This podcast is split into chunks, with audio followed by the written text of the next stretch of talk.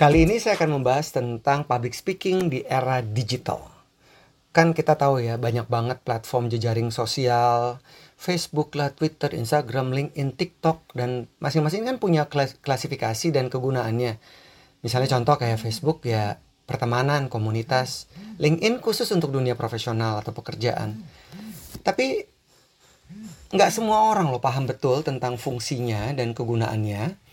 Karena banyak banget orang-orang yang masih salah kaprah dan terlepas dari berbagai macam orang-orang dengan kesalah kaprahannya dan tidak sadar akan kegunaan dari masing-masing platform, tetap saja tiap jam, tiap menit, tiap detik terlalu banyak informasi yang mengucur deras di timeline di kepala kita. Efeknya terlalu banyak yang kita ketahui seolah-olah sedikit yang diingat atau semua yang menarik bisa jadi menjadi biasa aja karena semua orang meniru cara yang menarik itu dengan gayanya masing-masing. Dan dampaknya sesuatu yang kita sampaikan ke publik harus diperhitungkan dengan jeli, sejeli-jelinya. Memikirkan pesan diterima dengan baik, tepat, efektif, nggak niru, nggak boleh kelamaan, nggak bertele-tele, dan buat audiens menjadi penasaran.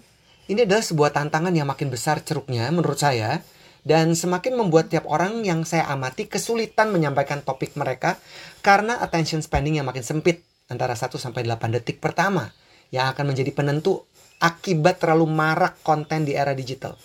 Belum lagi dunia atau media konvensional yang masih terus berdengung menambah kusutnya jalur informasi yang perlu dicerna oleh tiap orang. Nah, Anda sebagai pengirim pesan dan audiens sebagai penerima pesan, Anda harus mengerti banget ternyata ada cara-cara yang paling tepat. Ada enam langkah jitu yang akan saya share. Dengerin nih. Dengerin yang ini dulu nih.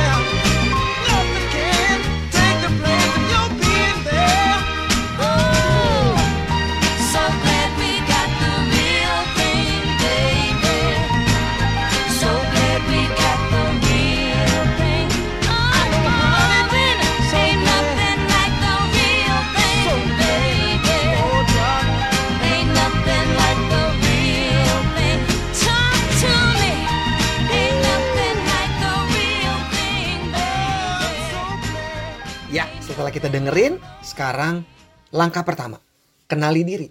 Siapa Anda, kultur, budaya, gaya bicara Anda, kepribadian Anda, semua hal-hal yang positif yang menjadi kekuatan Anda harus ditampilkan di publik. Dipilih-pilih. Buatlah penyusunan kekuatan atau potensi bahkan minat diri yang dapat menjadi modal utama dalam menjual image Anda di publik. Dan pastikan otentik, nggak niru gaya orang. Yang kedua, kenali tujuan bicara. Buat apa tujuannya? Saya sering bilang di podcast ada empat tujuan bicara. Sharing info, clarification, to clarify, to inspire, to motivate. Ini harus dipilih. Bisa juga empat-empatnya atau mungkin hanya tujuannya memberikan informasi dan memotivasi. Itu perlu dipikirin. Ketiga, ah ini penting banget. Audience, kenali profil mereka. Lakukan riset pasar. Siapa mereka, profil, kultur, bahasa populer daerah yang mereka gunakan, cara menyapa mereka, kebiasaan mereka, nilai mereka, sampai hal-hal yang ethical dan yang non ethical, kita harus cari tahu. Jadi kita betul-betul nyambung di kolam yang tepat dengan mereka. Dan yang keempat, setelah poin pertama, kedua, ketiga, pertama tuh lebih ke dalam diri ya, internal. Kenali diri, kenali tujuan bicara, kenali audiens Anda, kemudian kuasai materi. Rekam di kamera. Lihat lagi, udah cocok belum seperti yang diharapkan. Dan cari beberapa referensi tambahan untuk acuan dalam alur Anda berbicara. Yang kelima, gunakan kreativitas dalam menyusun sebuah skrip. Karena setelah Anda lihat lagi hasil rekaman Anda, coba bongkar lagi skripnya. Dalam bentuk pointers yang harus dibuat, bukan naratif. Karena kalau naratif jadi baca, jadi kaku. Dan bayangkan audiens adalah teman-teman Anda. Sehingga cara Anda menyampaikan akan bersemangat terbuka, nyambung sama mereka. Nah, kita bisa lihat beberapa ide baru dalam skrip yang akan Anda buat atau ditambahkan. Taruh storytelling, pakai gaya tertentu, terus tambahin visual elements, ada alat bantu. Jangan lupa perhatiin bahasa tubuh, intonasi, kesan yang muncul, dan yang terakhir yang keenam pikirkan waktu bicara. Berapa lama? Jangan sampai orang udah bosen. Kalau bisa nih, sampai klimaks Anda berhenti. Jadi perlu berhenti bicara ketika audiens masih mau mendengarkan kita. Semoga keenam poin tadi, saya ulang ya. Yang pertama adalah kenali diri, kenali tujuan bicara, kenali audiens Anda, kuasai materi, gunakan kreativitas menyusun skrip, pikirkan waktu bicara. Keenam poin ini dapat membuat Anda menjadi seseorang yang tampil bicara menarik di depan publik. Menjadi otentik adalah modal utama. Melakukan riset adalah bobot yang membuat plus poin untuk pendengar Anda menjadi teman yang menyenangkan dan membuat Anda menjadi public speaker yang selalu dicari orang. Lakukan enam langkah jitu. Pasti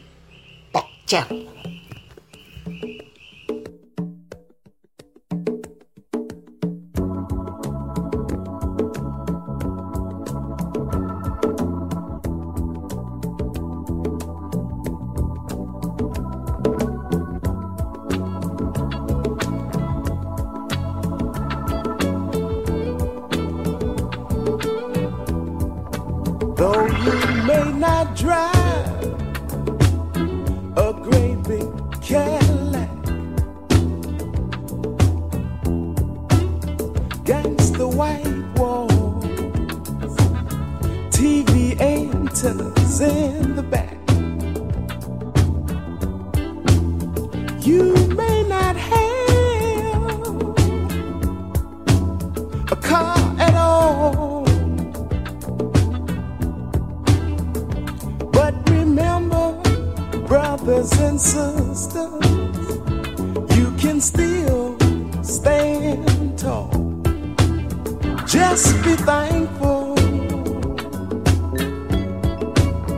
for what you got. Though you may not drive a great big Cadillac, diamond in the back, sunroof top, digging the scene with a gangster lean, gangster white wall, TV antennas in the back.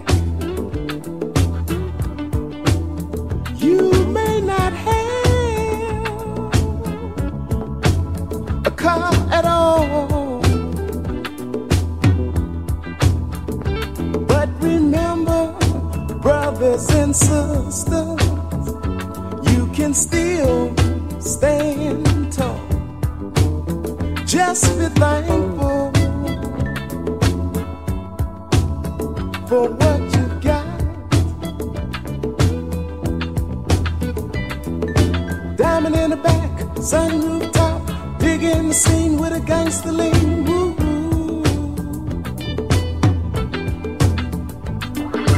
Diamond in the back, sunroof top, big in the scene with a gangster lean.